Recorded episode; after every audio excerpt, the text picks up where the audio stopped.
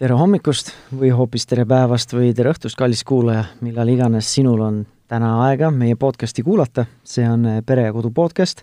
mina olen eh, Tanel Jeppinen ja täna on mul stuudios Valdur Rosenvald, tere Valdur! tervist, Tanel! et tegelikult väga sagedasti ei juhtu, et meil on eh, meessoost külalised, viimasel ajal neid on natukene küll rohkem, aga ma ütleks julgelt mingi kaheksakümmend protsenti külalistest on meil naised, ju siis see pereteema traditsiooniliselt kipub olema see rohkem naiste pärusmaa, aga siis püüame neid stereotüüpe siin aegapidi, aegapidi natukene muuta. sammuke lähemal jälle, jah et rohkem mehi ka kaasata. ja tänane selline teemapüstitus on siis see, keerleb siis äh, vanemluse ja produktiivsuse ümber, et kuidas, kuidas me saame siis olla natukene äh, tulemuslikumad Äh,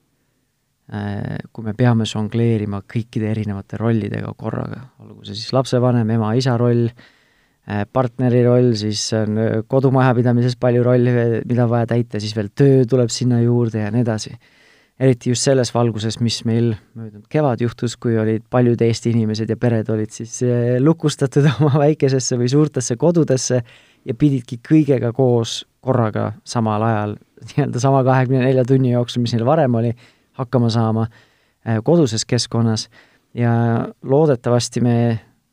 tuleval sügisel ja talvel ja kevadel seda uuesti kogema ei pea, aga mine tea. et äh, ma tean isegi paljud töötajad või paljud ettevõtted, kus mul tuttavad töötavad,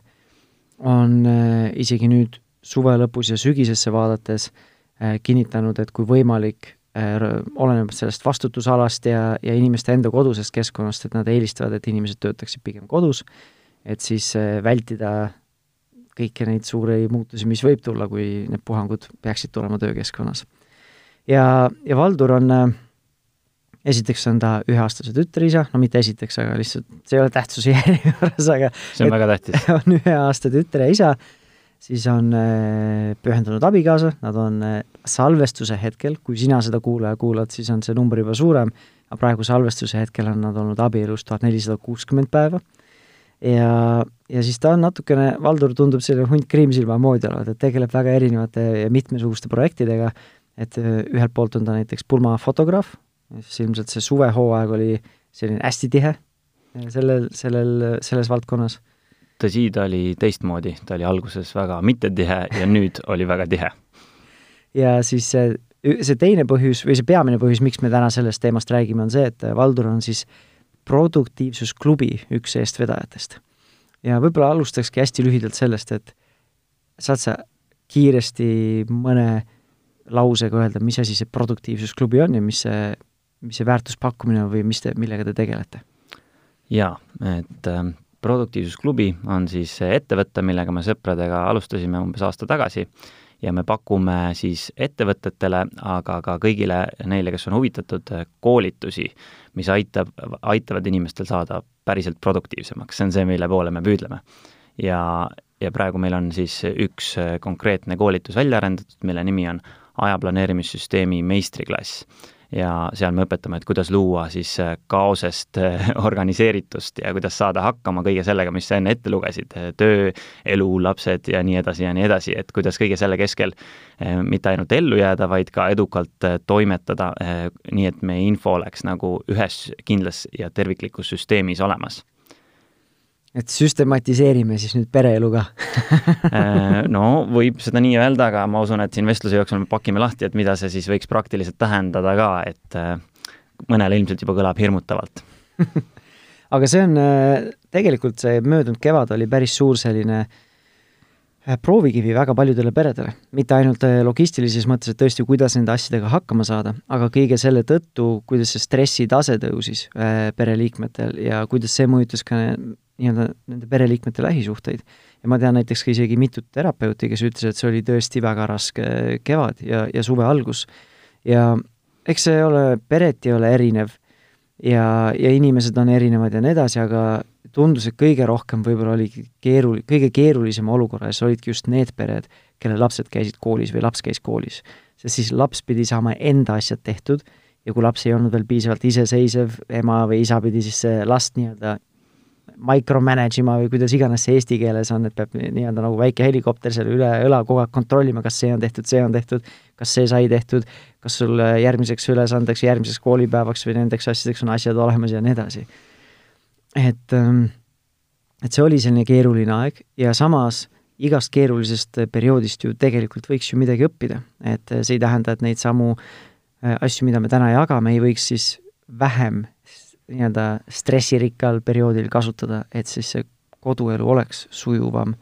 ja noh, mingil määral selles mõttes efektiivsem, et jääks aega ja energiat rohkem tegeleda nende asjadega, mis tegelikult on ägedad ja mis panustavad meie omavahelistesse suhetesse ja, ja meie enda tassi ja nii edasi. et siin natukene selline alustuseks intrigeeriv küsimus, et mina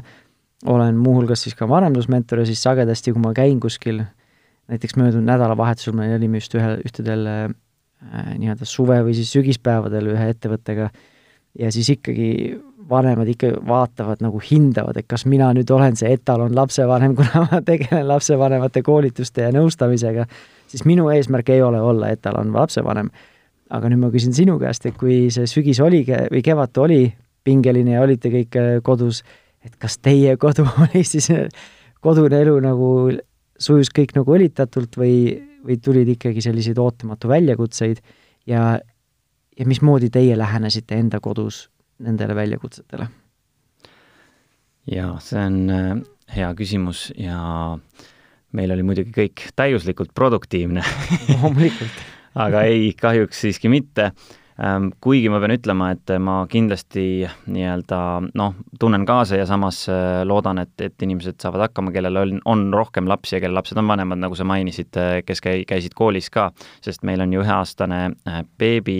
ja, ja selles mõttes ma arvan, et meil, meil oli nagu tingimuste mõttes oli suhteliselt lihtne. ja asi on ka selles, et minu töö iseloom on see, et ma Äh, noh, su-,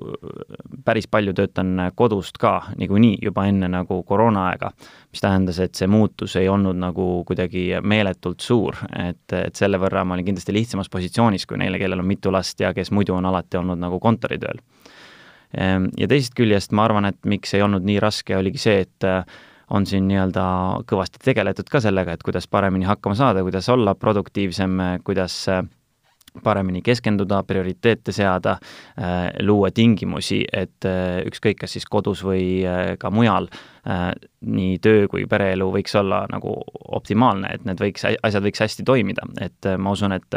et selles mõttes see, mida mina hakkasin koroona ajal tegema, ei noh, ei erinenud palju sellest, mis ma nagu enne tegin, sest ma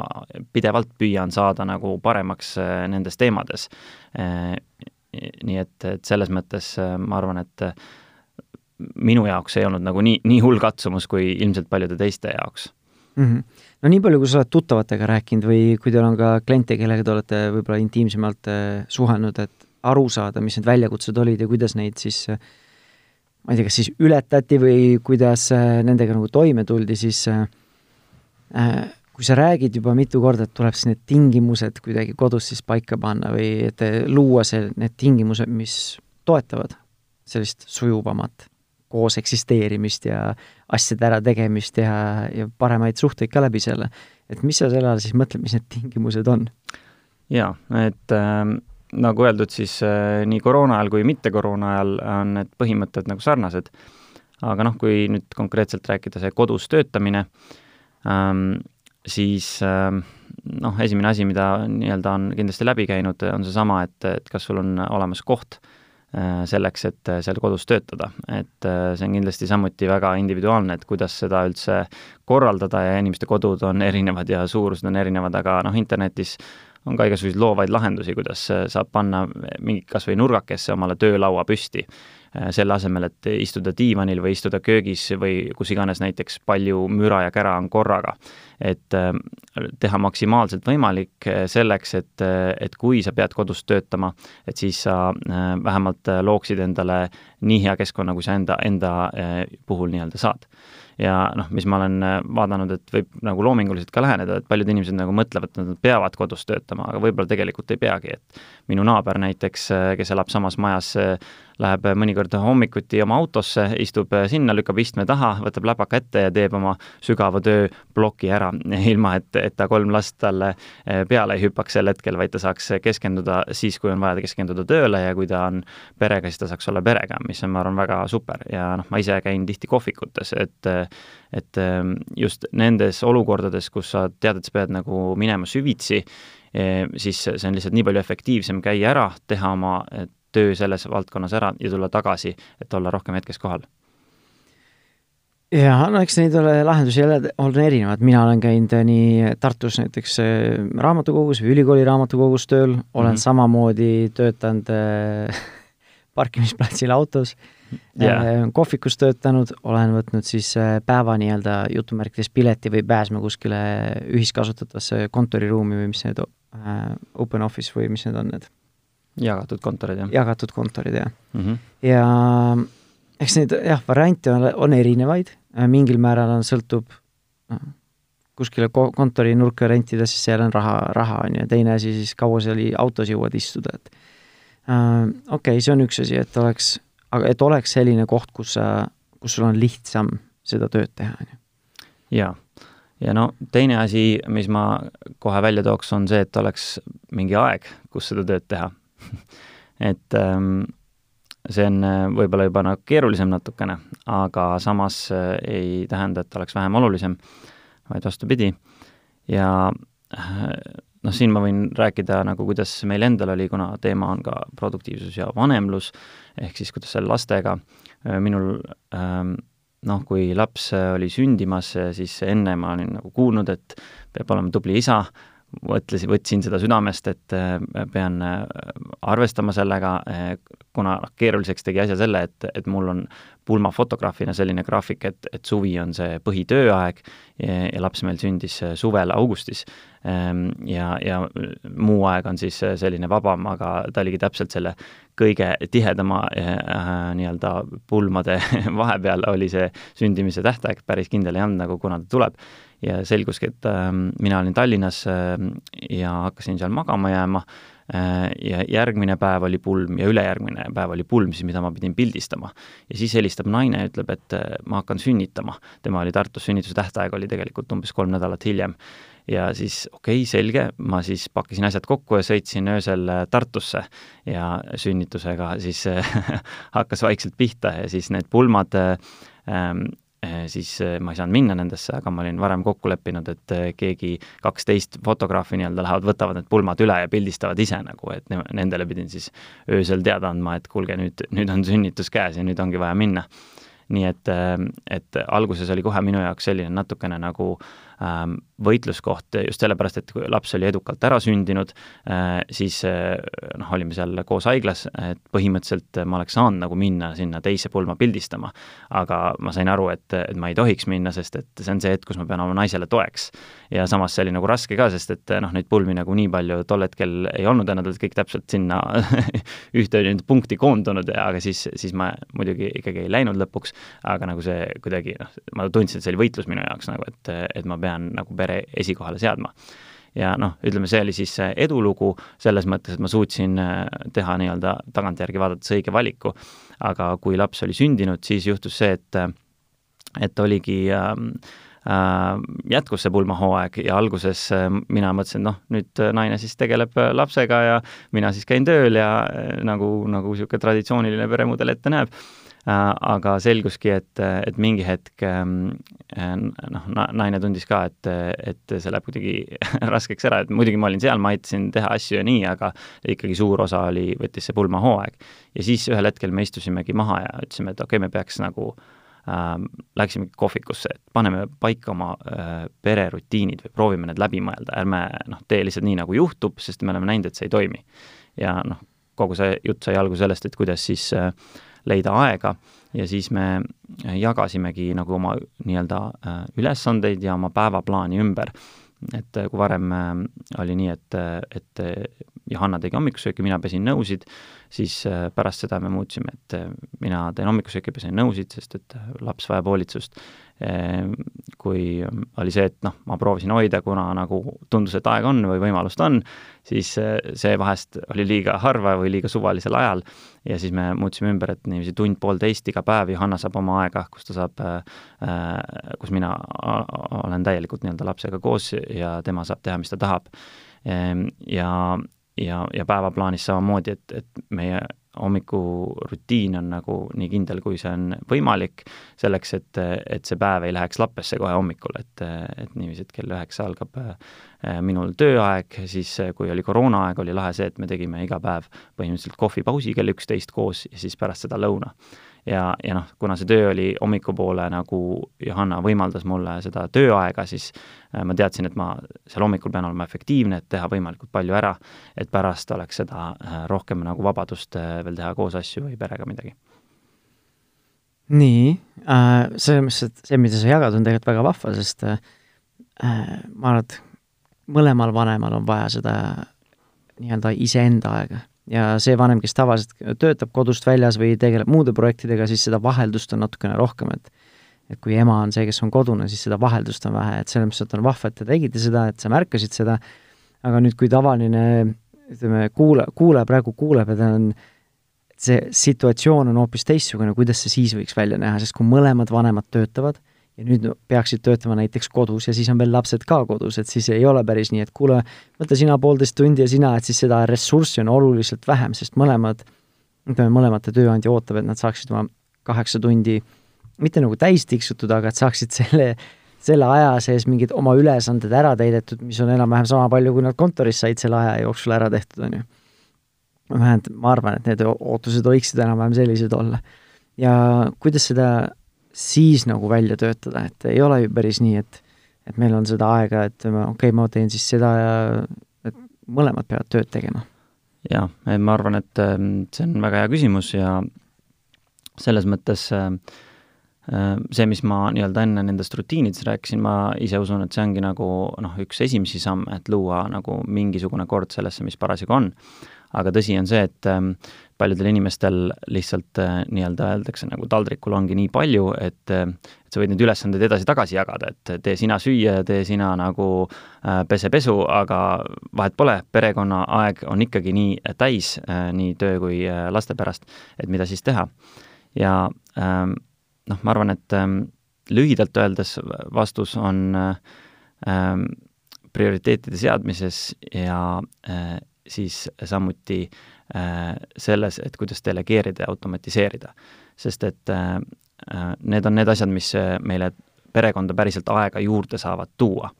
et kui me mõtleme sellele eelmisele, siis see on see, et kuidas me jaotame nagu ülesandeid või, või tegevusi või aega, aga see otseselt midagi äh, nagu ajalist ressurssi väga palju ei pruugi juurde anda, kuigi see võib ka nagu aidata. aga ähm, see teine pool, äh, see delegeerimine ja automatiseerimine on midagi sellist, mis, äh, äh, mis võimaldab meil päriselt nii-öelda aega juurde anda ja ma mõtlesin ka mõned näited enda perekonnast, kuidas meie oleme seda rakendanud selleks, et, et luua seda aega juurde. ja ähm,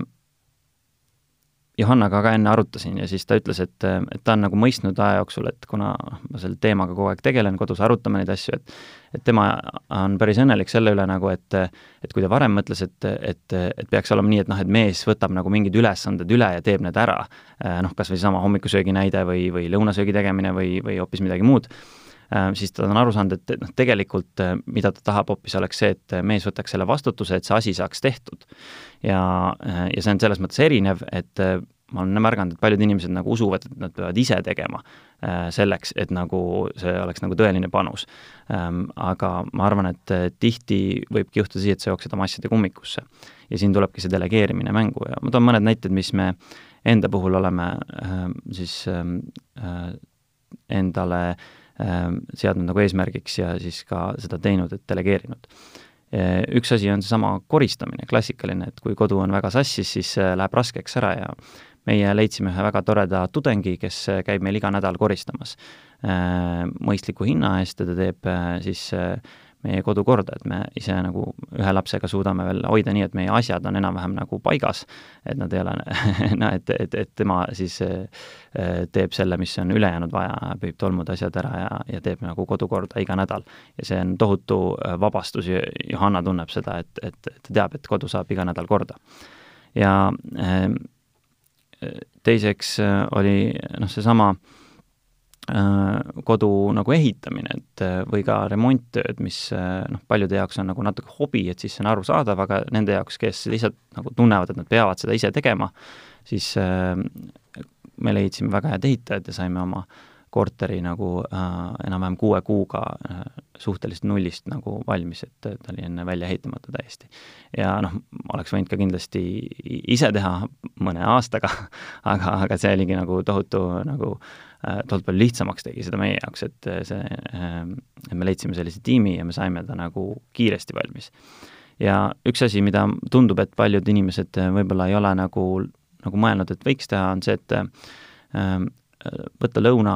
lõunasöögid kusagilt mujalt, mitte neid ise teha. et ise tegemises on muidugi väga suur võlu ja ma ei ütle, et see, seda ei peaks tegema, aga kui inimesed ütlevad, et neil on elu nagu kaoses, neil on nii kiire ja nad ei suuda midagi, aga samas neil on millegipärast aega nagu kulutada võib-olla tund või kaks isegi iga päev sellele, et teha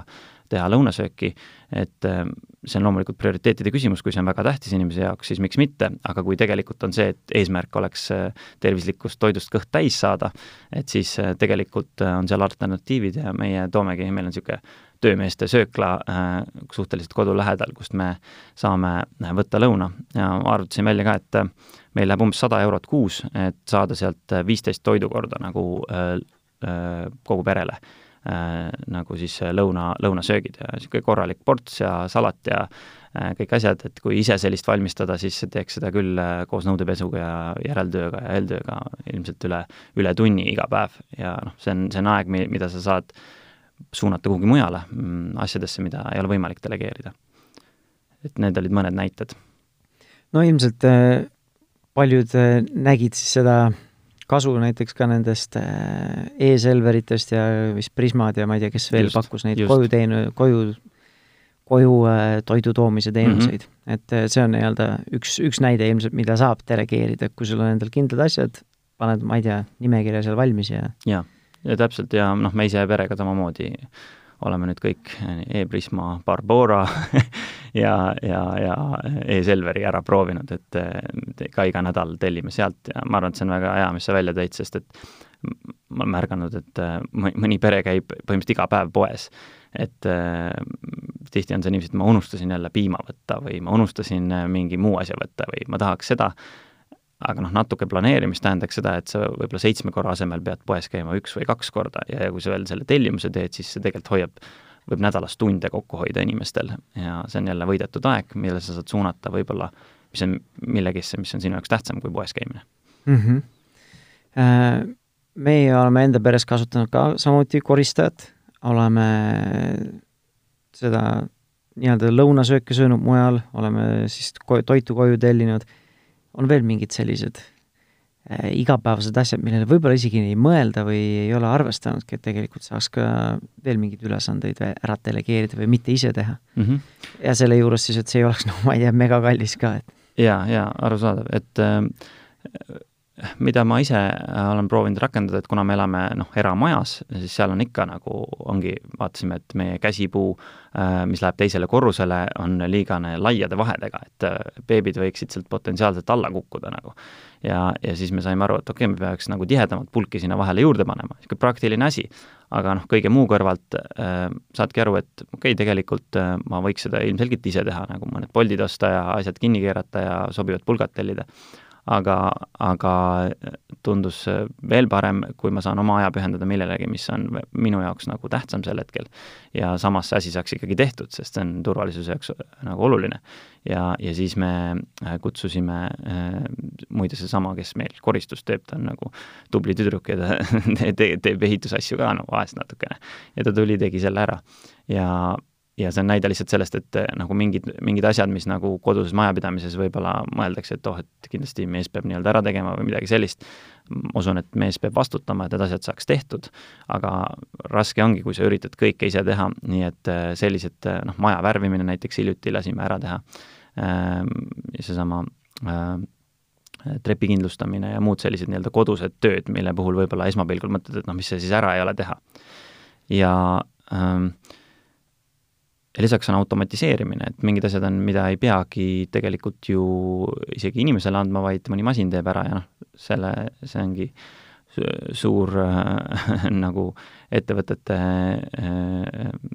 tegevusala, et tehakse asju, mis teevad meie elu lihtsamaks ja noh, panin paar tükki kirja, mis on niisugused basic asjad, aga aga, aga millesse tasub äh, investeerida, kui see on võimalik, nagu seesama äh, nõudepesumasin, muruniiduk, robotmuruniiduk, robot-tolmuimeja, sellised asjad, et, et see on üks asi jälle vähem, millele mõelda, nagu nad teevad automaatselt sinu eest töö ära. ja ka kuivati, et paljud pered tundub, et ei kasuta kuivatit, aga võib-olla see on sellepärast, et kui ta on ühine kuivati sellega, mis peseb pesu, siis tehnoloogia on erinev ja ta ei kuivata eriti hästi ära, nagu meil endal oli see probleem. olen seda vahest teistel ka märganud, et, et siis me ostsime eraldiseisva kuivati ja nüüd noh, lihtsalt nägin, kui palju aega võttis Johannal see, et ta pani nagu pesu ükshaaval nagu kuivama, et see on tegelikult väga, väga palju aega, et, et võib-olla sellele ei mõtle, et mis see ikka ära ei ole, aga kui need nagu minutid tundideks arvestada, siis tuleb päris palju mm. -hmm. no kindlasti saab automatiseerida näiteks äh, igakuist arvete maksmist, istud jälle mingiks just. tunniks ajaks arvuti ette ja hakkad emaili pealt seal vaatama, kopima kõiki asju seal ja nii edasi, üle kontrollima ja, ja, ja. ja nii edasi just, et see on väga õige ja, ja noh, tegelikult praegu me räägime nüüd kodus, kodustest asjadest, aga noh, kui inimene, kellel on, kes käib, noh, ongi väike ettevõtja näiteks või, või käib kuskil tööl, kus tal on erinevad ülesanded, siis see avab mingi hiiglasliku maailma selleks, et automatiseerida, et mul on endal siis see fotograafiaettevõte, produktiivsusklubi ja proovime iga päev leida võimalusi, kuidas teha asju efektiivsemalt, mis tähendab, et me ei pea äh, kõike käsitsi tegema, et äh, noh, programmide erinevad äh, emailide saatmine, kõik selline. et seal on võimalusi veel väga palju mm -hmm.. okei okay,, saame delegeerida, saame automatiseerida, sellega võiks endal tekkida rohkem ressursse. kas siis puhata või siis teiste oluliste asjade jaoks. aga sellest prioriteetide seadmisest, et et, et kui sul on tõesti nagu liiga palju asju ja ma ei tea, olen näiteks partneriga maha istunud ja me, me nagu ei oska rohkem delegeerida või automatiseerida, et oleme käinud läbi kõik need igapäevased tegevused, tegevused, mis me teeme ja võib-olla sealt ei näe siis seda väljapääsu. et ilmselgelt ongi võib-olla meil liiga palju ette võetud. Ehm, kuidas see prioriteetide seadmine võiks siis, võiks siis aidata? jaa, et äh, ilmselt see on paljude inimeste nagu kogemus äh, ka ja no prioriteetide seadmine ähm, on midagi sellist, et ähm, et see ühest küljest tähendabki ei ütlemist, sest et kui sa ütled, et sa sead prioriteete, aga loodad, et sa siis jõuad kõik ikka ära teha ja, ja kuidagi nii, et siis äh, tekib küsimus, et mida sa siis üldse seadsid. ja noh, tihti öeldakse, et pere on nagu minu jaoks prioriteet või noh, vähemalt tahetakse mõelda niiviisi, aga et et mida see võiks nagu praktiliselt tähendada. Ähm,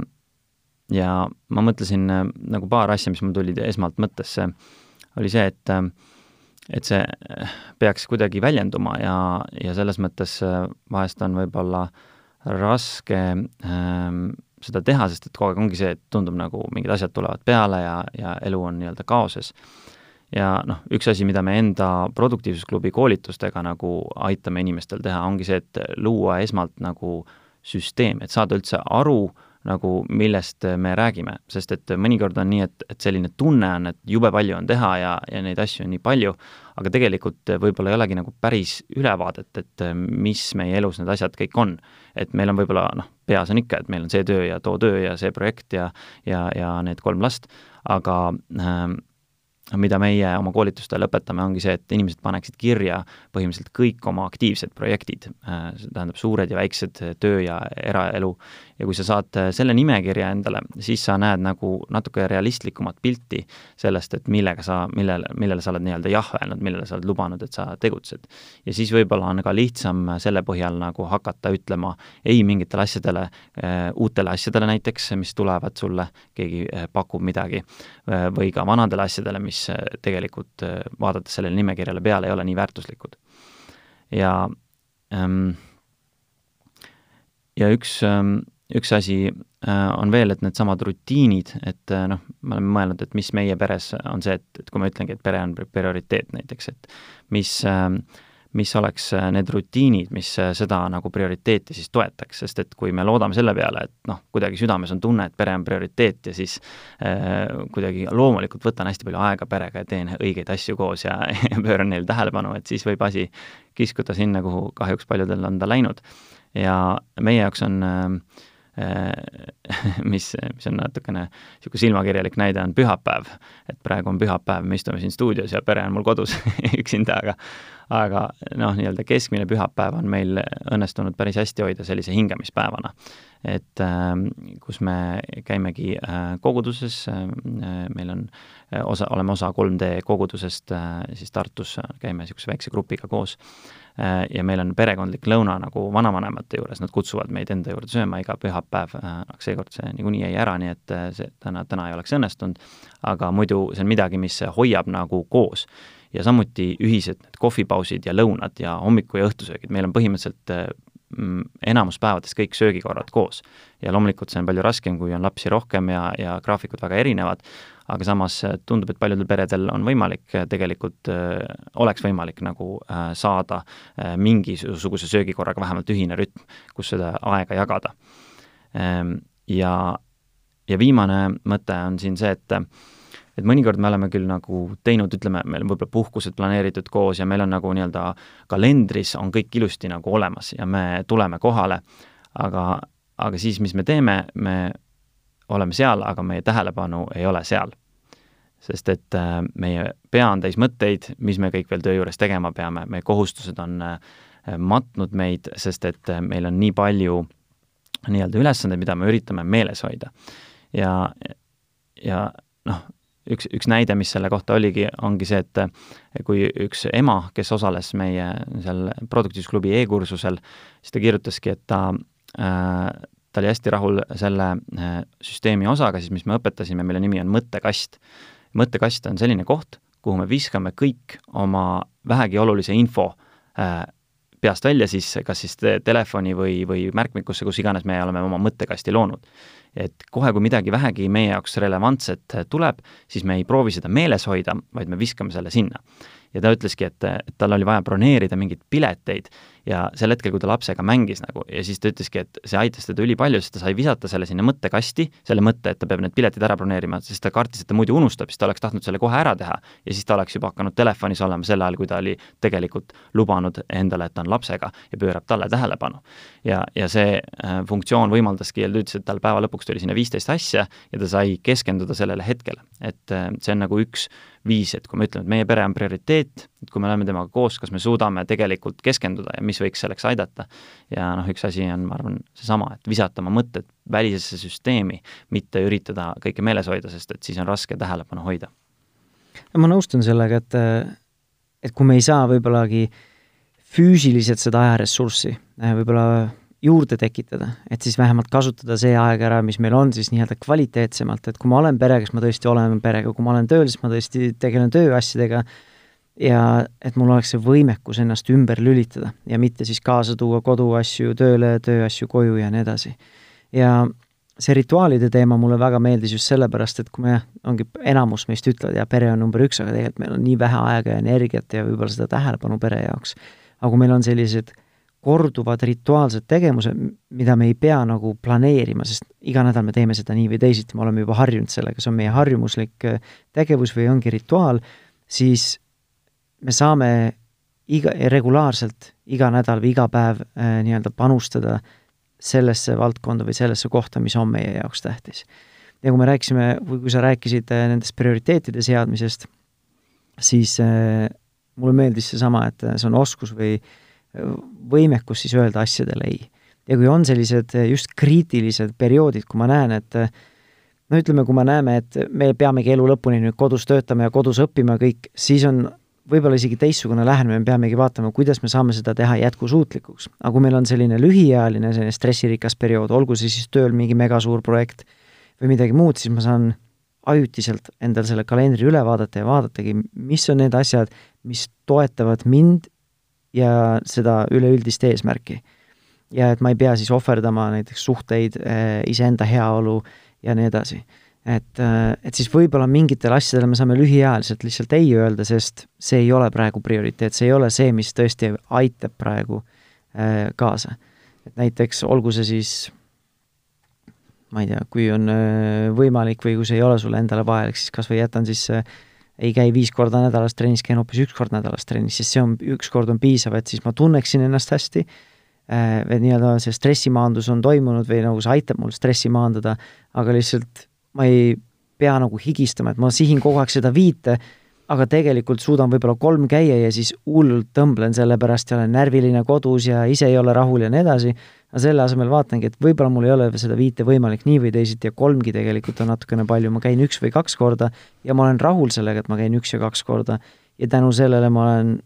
palju rohkem kohal teistes, teistes valdkondades. ja see on hea, ma noh, ma arvan, muidugi see, olen väga nõus kõigega, välja arvatud see, et ei pea higistama, et trennis ikkagi võiks higistada. ei, ma mõtlen seda, et ma ei higista sellepärast, et oh, ma nüüd täna ei jõudnud trenni, ma nagu tümitan ja, ennast ja, ja selles mõttes nagu higistan. mõistan, mõistan jah. et eh, see on väga hea näide ja eh, siinkohal ma arvan, et oleks huvitav rääkidagi täpselt see, mis meil Johannaga on olnud äh, selle trenni teemal juttu ja, ja kuidas meie kogemus, sest et eh, nagu sa ütlesid, viis korda võib-olla ei ole vaja, siis me Johannaga seadsime eesmärgiks, et viis korda nädalas võiks olla tal trenn nagu, sest et tema puhul just vastupidi, oli vaja seda nagu, et ma saan aru, et paljude jaoks võib-olla see olekski liiga palju, aga eh, tema puhul, tema jaoks on see tegevus, mis teda täidab ja ja, ja me arutasime ka, et et noh, et palju asju on, mis ta nagu võiks teha sellel ajal, kui ütleme, mina näiteks Saarat hoian aga ma olen täna enne vesteldes just ta ütleski, et ta oli, ta oli väga õnnelik selle üle, et mina nagu natuke survestasin teda heas mõttes tema jaoks, et ta läheks trenni sel ajal, kui, kui ma äh, hoian Saaret parasjagu. et noh, see on tema valik muidugi, mida ta teeb, aga lihtsalt ta on alati pärast äh, nagu hästi rahul sellega, et ta on läinud, et ta võiks ka teha mingeid äh, noh, arvutis mingeid asju või või kas või koduasju lisaks, aga aga see ongi see, et, et see aeg, mis ütleme, tal on äh, äh, nagu enda päralt oleks samuti maksimeeritud nagu, et seal selle ajaploki sees on samuti prioriteetide seadmine. ja, ja, ja see on see tegevus, mis temale annab kõige rohkem energiat juurde, laeb teda nagu uuesti. ja, ja siis sellepärast me nagu seadsime koos sellise eesmärgi ka,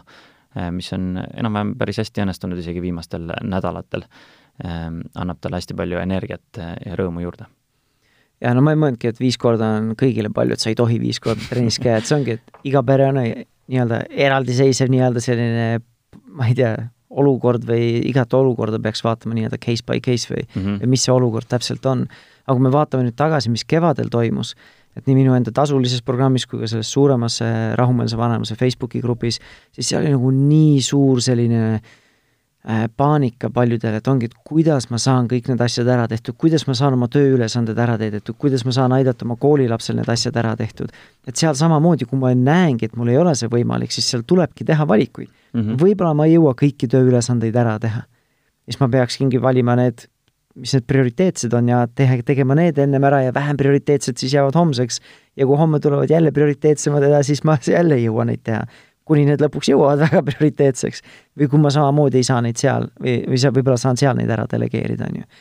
et võib-olla ei olegi võimalik, võimalik mul kõike seda samamoodi ära teha nagu varem. et siis peakski ise ka seda tunnistama, mitte siis hullult närviline olema sellepärast, et ma ei jõua, sest olukorrad on, olukord on teine.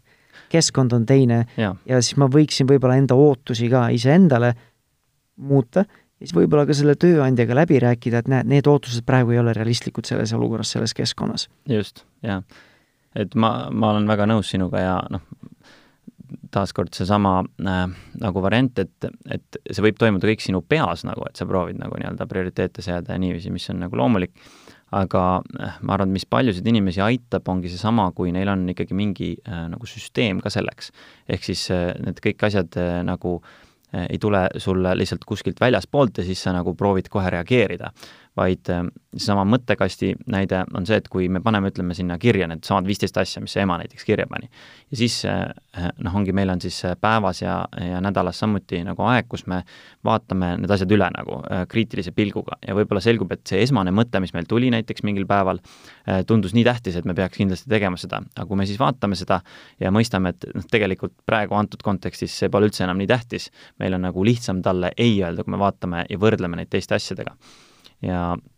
ja noh, sellepärast äh, on ka see, miks me usume, et selline terviklik lähenemine aitab, kus sul on äh, see info, mis sinuni jõuab, ei, ei lähe lihtsalt kohe tegevusse või, või lihtsalt ununeb ära, vaid äh, talle käib nagu läbi mingist süsteemist ja tuleb sul õigel ajal ähm, esile. ja noh, tegelikult siin enne mm, natuke sellest äh, prioriteetide seadmisest ja, ja, ja sellest oli juttu ja mulle meeldis see ka, mis sa oled ise ka välja toonud, et pere on nagu tervik ehk siis eh, selle mõttega, et ehm, et kuidas me saame nagu pere jaoks, eh, mitte ainult nagu minu kui indiviidi, vaid kogu pere jaoks maksimeerida neid häid asju, mis seal on ja näiteks seesama aja maksimeerimine, et kui, kui me lihtsalt jaotame ülesandeid nagu üksteise vahel, siis see on hea algus, aga noh, lõpuks on ikka see, et keegi peab neid tegema ja võib-olla on mõlemal lõpuks nii kiire, et, et asjad on ikka kuhjunud ja kuidagi stress on üleval. et kui ma tahan naisega kvaliteetaega veeda, siis vahet ei ole, kumb meist seda nõud, nõusid peseb sel hetkel yeah. seda kvaliteetaega samal ajal on väga raske teha nagu. täpselt nii, jah. ja, ja, ja noh, siinkohal on seesama eelmine automatiseerimise, delegeerimise näide, et mis vähegi võimalik, me peaksime delegeerima, sest et on mõned asjad, mida me ei saa delegeerida, nagu näiteks naisega aja veetmine või me, me ei tahaks seda delegeerida see võib halvasti lõppeda. või siis äh, samamoodi uni millest äh, ma tean, sul on ka nagu varem juttu olnud äh, saadetes ja niisama, et uni on samuti selline asi, mida tundub, et inimesed ei hinda nii palju, kui see tegelikult väärt on. ja noh, ma ise tegin siin hiljuti ühe produktiivsusklubi jaoks ühe uneteemalise video, kus ma siis lugesin selle kohta täpsemalt ja üks hea raamat on Why we sleep, Matthew Walker ja seal ta nagu noh, selgitas ka, kui palju plusse unel on ja kui kohutav see tegelikult on, kui sa ei maga. Aga just seesama perekonna jaoks äh, une maksimeerimine äh, tundub nagu väga oluline, et, et noh, et äh, et ähm, ma saan aru, et see on üsna erinev, mõne, mõne jaoks on nagu kuidagi tähtis, et näiteks kui laps öösel nutab, et nagu, et noh, et isa oleks seal kuidagi olemas näiteks või noh, vastupidi, kuidas see jaotatud on, et mõlemad nagu panustavad sellesse, aga samas kui selle võrra päeval on nagu mõlemad täiesti läbi, siis on küsimus, et kas see, kas see toob seda efekti nagu kokkuvõttes, et kui oleks see, et üks näiteks magab äh, sel ajal, kui teine tegeleb lapsega ja siis vastupidi või midagi taolist, äh, ja selle võrra on päeval nagu mõlemad palju õnnelikumad ja puhanumad, et siis äh, ma arvan, et tihti see oleks nagu tegelikult õigem tee ja väärtuslikum ja kasulikum kogu perekonna jaoks. jah, no tundubki, et kui me mingeid asju kaalume, mingeid tegevusi kaalume, et eh, kas ma pean selle ise tegema või mitte või kas seda on üldse vaja teha või mitte või kui oluline see asi on või mitte, siis eh, eriti, kui me räägime just nagu perekeskkonnas, siis eh, peakski nagu kaaluma seda nii-öelda plussi ja miinuseid mõlemale asjale. et kui me vaatame tagasi seda kevadet, siis kui paljud äh, ma ei tea, kas paanitsesid, aga olid ikkagi endast väljas, et ongi, et ei jõuagi, lapsed ei jõua, ei ole harjunud ja lapsed ei ole harjunud kodus olema, me ei jõua lastel neid kodutöösid ära teha ja ja ma nagu nägin nendes kommentaarides ja kirjades äh,, kui nagu palju emotsioone seal sees oli. siis minu jaoks, minu lapsed veel ei ole kooliealised, see ongi, et minu jaoks on see, et nüüd üks veerand või semester lapsel ei ole nii head hinded võib-olla, kui ta võiks saavutada, ei ole nii oluline kui pereliikmete vahelised suhted. et ma ei ohverda pereliikmete vahelisi suhteid või nii-öelda sellist pereõhkkonda ei tee toksiliseks, sellepärast et me saaksime need tipphinded, kõige kõrgemad hinded, mis võim-, võimalik, on ju. aga see on jälle selline lühiajaline, ma ei saa jälle võib-olla viite aastat kuskile tuulde visata, on ju, noh, oleneb inimesest ja nende väärtustest. et kuule, poogen, keskendume nüüd hoopis suhetele, hoiame käest kinni ja laulame iga õhtu kumba head ja ei teegi siis üldse koolitöid, on ju. aga peakski nagu kaaluma, mis need plussid ja miinused on ja mis on selle hind, kui ma nüüd teen selle ära või surun ja ma ei tea, närveerin ja, ja, ja tõmblen jah, väga õige ja no ega muidugi ma arvan, et paljud inimesed nagu tahaks, aga võib juhtuda see, et elu on natuke liiga kaoses, et nagu suuta võtta seda reflekteerimise aega. et, et noh, kui nad nagu saaks nagu istuda korraks maha ja mõelda, et siis nad võib-olla jõuaks nagu sarnastele järeldustele, et noh, et tegelikult nagu miks ma nii väga pingutan näiteks, et, et survestada last, et teeme nüüd ikka ära, kui, kui tegelikult võib-olla on temal ka nagu ülekoormus näiteks noh, kas või seesama koroona näide sellel ajal ähm,. aga et kui, kui su elu nagu igasugused detailid ja asjad nagu rõhuvad sind nii palju, siis äh,, siis on nagu raske üldse nagu kuidagi noh, natuke objektiivsemalt selle asja üle järgi mõelda päevikusse kirjutada ja, ja korraks istuda kohvikus ja mõelda, et okei okay,, et mis, mis minu jaoks tõesti tähtis on. ja noh, me loodame, et, et sellise ühtse süsteemi loomine on midagi, mis aitab nagu inimestel võib-olla vaadata nagu kõrvalt rohkem seda, et kui vaatad, et näed nagu, mis asjad sa oled nagu lubanud endale teistele teha, et siis see kuidagi noh, toob sulle selle pildi paremini ette, kui see, et sa proovid nagu lihtsalt tunnetada, et mis sul nii-öelda on. Äh, sest et inimesel korraga kahjuks nii palju asju pähe ei mahu, nagu on teadlased tõestanud. Äh, pigem nagu äh, mõned asjad ainult, nii et, et ma arvan, et see on, see on sul õige, õige mõte küll mm me siin alguses oli tegelikult see võib-olla välja hõigatud teemaarendus, et nii produktiivsus ja vanemus, et tundub hästi selline kuiv, aga mulle nagu meeldis see, et kuhu me siin lõpus nagu jõudsime, et et teha neid asju mitte sellepärast, et nüüd olla produktiivne, sest nagu see on nii kuiv ja selline nagu mina ei tea, ta ei ole väga seksikas ja mõnus sõna või et siis nagu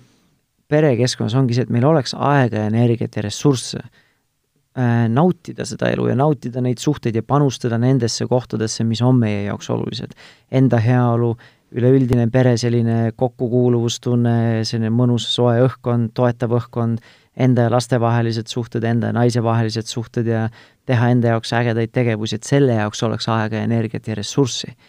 ja selle jaoks oligi, et üks asi, mis siin lõpus välja tõi, mis mulle meeldis, oligi see, et, et proovida leida seda aega, et tõesti kaaluda ja vaadata üle see, mis me teeme praegu ja kus need stressi- ja pingeallikad on ja mida me tahaksime kogeda ja siis vaadata, mida me siis saame teha et enda üksinda aega maha võtta, aga ka partneriga maha istuda ja vaadata, mis on, mida, mis on need asjad, mida me saaksime teha. et siis kas säästa aega, kas delegeerida, automatiseerida, kas masinatele või siis teistele inimestele neid asju delegeerida ja mis on need asjad, mis on meie jaoks prioriteetsed ja siis sealt lähtuvalt siis vaadata, millele me keskendume ja kui meil ei ole neid ressursse, millel siis me ajutiselt minna laseme või siis natukene tahaplaanile paneme. Äh, see oli nii-öelda minupoolne kokkuvõte, on sul endal midagi veel lõpuks siin lisada või tahad midagi rõhutada või, või, või juurde? ma arvan, et see oli suurepärane kokkuvõte ja, ja ma olen sinuga sada protsenti nõus, et äh, produktiivsus äh, kui selline ei ole lõppeesmärk vaid see on vahend, mis aitab meil teha neid asju, mida me tõeliselt oluliseks peame ja kelle jaoks see ongi mingi isikliku projekti või reisi äh, tegemine, ilmselt paljude jaoks äh, siinsamas podcast'i kuulajatele, äh, perega aja veetmine, perega koos midagi tegemine. ja, ja mitte ainult, et meil ei oleks aega selleks, vaid et meil oleks ka selleks tähelepanu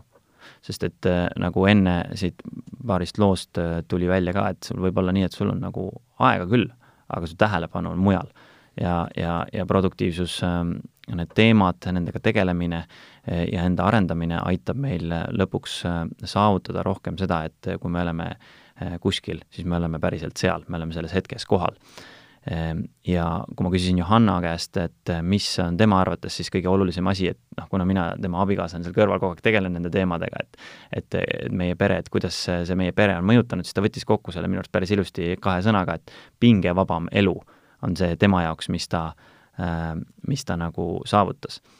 ja noh, võib-olla väike lugu veel sellest, et eh, kui eh, me üldse Produktiivsusklubiga alustasime, siis saigi alguse sellest üldse,